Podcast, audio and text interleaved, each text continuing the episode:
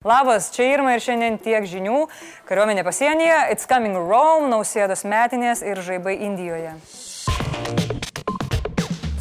Valstybės gynimo taryboje nutarta, kad besitęsiančiai migrantų krizai spręsti į pasienį bus siunčiamos kariuomenės pajėgos. Dabar prie Lietuvos-Baltarusijos sienos jau mobilizuotas maksimalus valstybės sienos apsaugos tarnybos pareigūnų skaičius, bet to neužtenka. Dalis kariuomenės pasienė darbuojasi jau nuo šeštadienio, pradėta statyti spigliuotos vielos užtvarą. Štai kaip atrodys būsima siena. Būtų dviejų metrų tvora, o ant jos būtų vėliau uždedama koncertina ir taip susidarys e, 3 metrų siena. Tam, kad darbas vyktų sklandžiau ir greičiau, iš atostogų atšaukiami vietiniai pasieniečiai pasitelkiama ir tarptautinė pagalba. Krašto apsaugos ministras Arvidas Anušauskas sakė, kad VRM bėdoje nepaliks.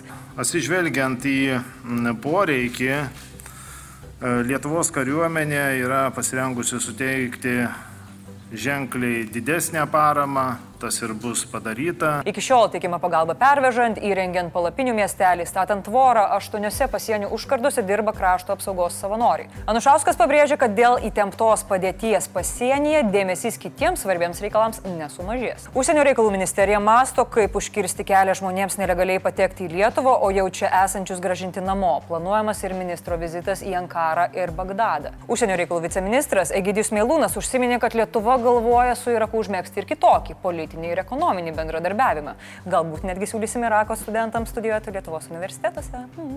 Europos komisija jau rūpjūtį migrantų problemai spręsti ketina skirti 10 milijonų eurų, o Europos sienų apsaugos agentūra Frontex pasirengusi padėti gražinti migrantus į kilmės šalis. Tuo tarpu Bruselėje viešintis Gabrielius Landsbergis ES ministrų taryboje siūlys įvesti papildomas sankcijas Baltarusijos įmonėms. Pavyzdžiui, turizmo agentūros, kurios užsima priekybą žmonėmis. Įvesti papildomas sankcijas Lukašenkos Rusijos režimui yra antras pagal populiarumą sakinys Europoje. Pirmasis, žinoma, yra kaip karšta.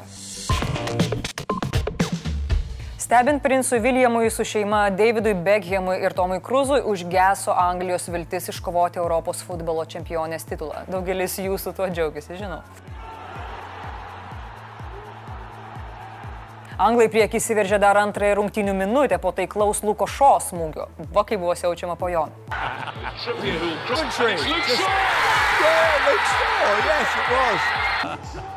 Trafalgar Square. I'm sure you recognise that. You've been in that water. Tai buvo greičiausias įvartis per visų čempionato finalinių rungtynių istoriją. Rezultatą išlygino Bonucci, tad žaidimas persikėlė į pratesimą, o galiausiai į baudinių seriją. Ir čia po nesėkmingo Bukajo Sakos baudinio anglai turėjo pripažinti varžovo pranašumą. Italai sprogo.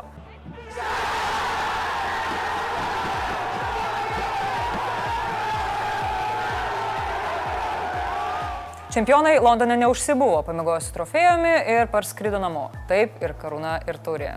Primena mūsų tūkstantmečio žinias, tik ten kitokias taurės kilnoja. Beje, išėjo naujas epizodas. Va štai čia.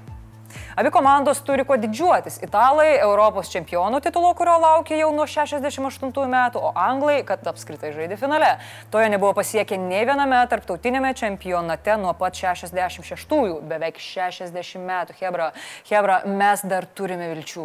Italų treneris sakė, kad neturi žodžių, kokie jo komandos vaikinai yra nuostabus, o anglų rinktinė išreiškė tik užuojautą. Pagrindinis Anglijos komandos strategas Garitas Southgate'as sveikino italus ir sakė, kad Anglijos rinktinė turi didžiuotis savimi, nes padarė daugiau nei bet kuri kita trijų liūtų komanda per beveik šešis dešimtmečius. Anglus ir galiai tuo tarpu parodė, kad pralaimėti tiesiog nemoka. Kai baudinių neįmušė trys Anglijos žaidėjai, internete pasipylė rasistiniai komentarai. Jų chamiškai ištarmė iškart pasmerkė premjeras Borisas Johnsonas bei pati Anglijos rinktinė su Anglijos futbolo asociacija prieš akį. O štai kaip po rungtinių Vemblį Anglai pasitiko Italijos fanus.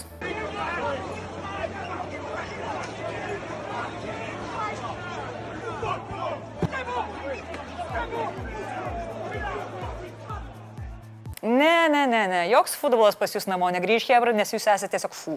Auksinį čempionato batelį gavo ir rezultatyviausių žaidėjų tapo dar aštuntfinalį iškritusių Portugalų kapitonas ir superžvaigždė Ronaldo, o geriausių čempionato žaidėjų pripažintas italų vartininkas Jean-Louis Donnarumma. Jis to nusipelnė, italų komanda nepralaimėjo jau 34 rungtynių iš eilės.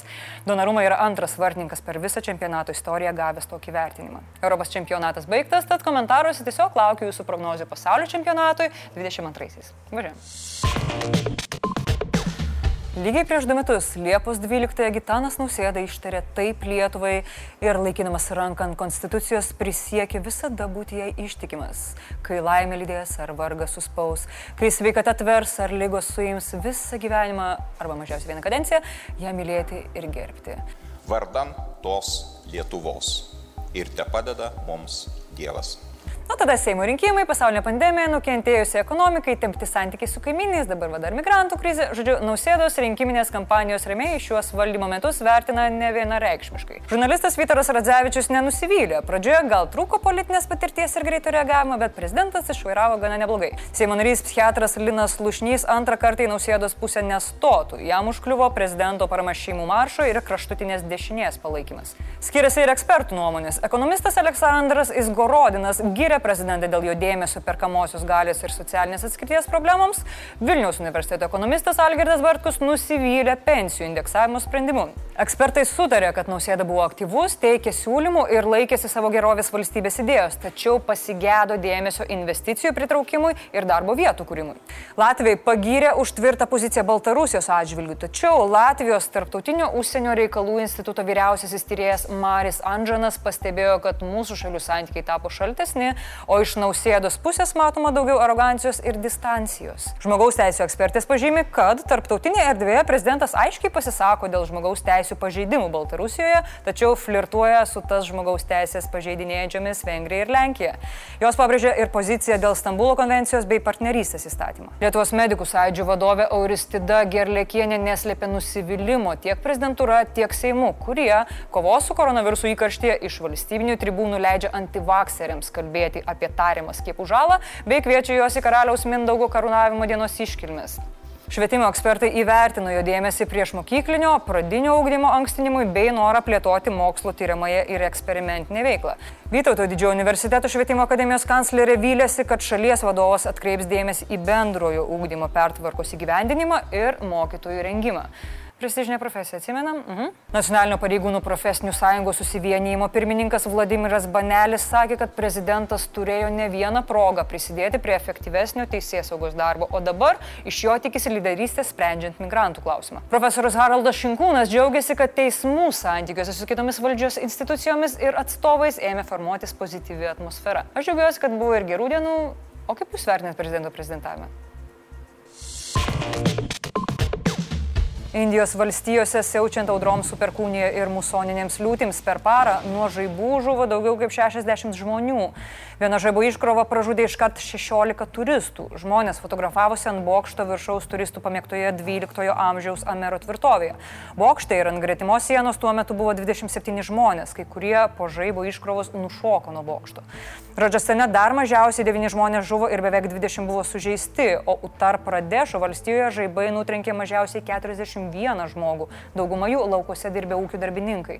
Valstybių vyriausybės pasiūlė finansinės kompensacijas aukų ir nukentėjusių šeimoms. Indijos meteorologijos departamentas perspėjo, kad ateinančias dvi dienas tikėtinos tolesnės audros su perkūnijomis. Tokie žaibo smūgių incidentai Indijoje nereti musonų laikotarpiu. 19 metais šalyje žaibai nutrenkė beveik 3000 žmonių, o vidutiniškai kasmet jie nusineša apie 2000 gyvybių. Nuo ketvirtųjų metų šalyje mirštančių nuo žaibų padvigubėjo. 2018 metais pietinėje Andra Pradešo valstijoje buvo užfiksuota beveik 37 tūkstančiai žaibų per 13 valandų. Viena iš svarbiausių priežasčių - klimato kaita. Ne, ne, ne, ne, ne, ne, ne, ne, ne, ne, klimato krizė išsigalvojo Greta Thunberg. Ne, ne, ne, ne, ne, pasaulis šyla natūraliai ir čia gamtos dėsniai. Taip, taip, taip, taip, taip. Ne, ne, ne. Blitz naujienos po mobbingo skandalo sveikatos apsaugos ministras Arūnas Dulkys atšaukė iš pareigų Respublikinės Šiaulių ligoninės direktorių Remigijų Mažeiką. Direktorius pavaduotoja administravimui Aušrelė Šalkauskenė įpareigota perimti svarbiausius ligoninės reikalus. Pats Mažeiga teigia, kad pagrindinį dėmesį skyrė darbo sąlygoms gerinti, o priimtas sprendimas politinis.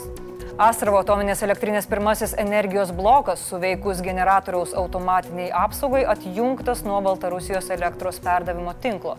Baltarusijos energetikos pranešime pažymima, kad radiacinis fonas branduolinėje jėgainėje ir stebėjimo zonoje nepakito. Vilniaus oro uosto teritorijoje statybininkai aptiko į sprogmenį panašų daiktą. Atvykę išminuotojai nustatė, kad tai minosvaidžio mina, jie aptiko ir daugiau sprogmenų. Sprogmenys išvežti sunaikinti į poligoną. Įvykio vietoje buvo įvestas planas skydas. Oro uosto veiklai šis įvykis įtakos neturėjo. Britų milijardierius Richardas Bransonas po kelionės į kosmosą erdvėlaivių Virgin Galactic sėkmingai grįžo į Žemę. Jis sakė, kad tai buvo viso gyvenimo patirtis ir tikisi, kad kelionė taps postumiu plėtojant pelningą kosminį turizmą. Milijardierius įsiveržė į priekį ir aplenkė magnatą Jeffą Bezosą, kurio skrydis turėtų startuoti Liepos 20 dieną. Kaip vertinate dviejus prezidentavimo metus, kokius jūsų prognozijas pasaulio futbolo čempionatui ir taip pat visiems linkiu tiek pat energijos ir užsidėgymo šią savaitę, kiek jų turi šis dieviškai judantis meškėnas.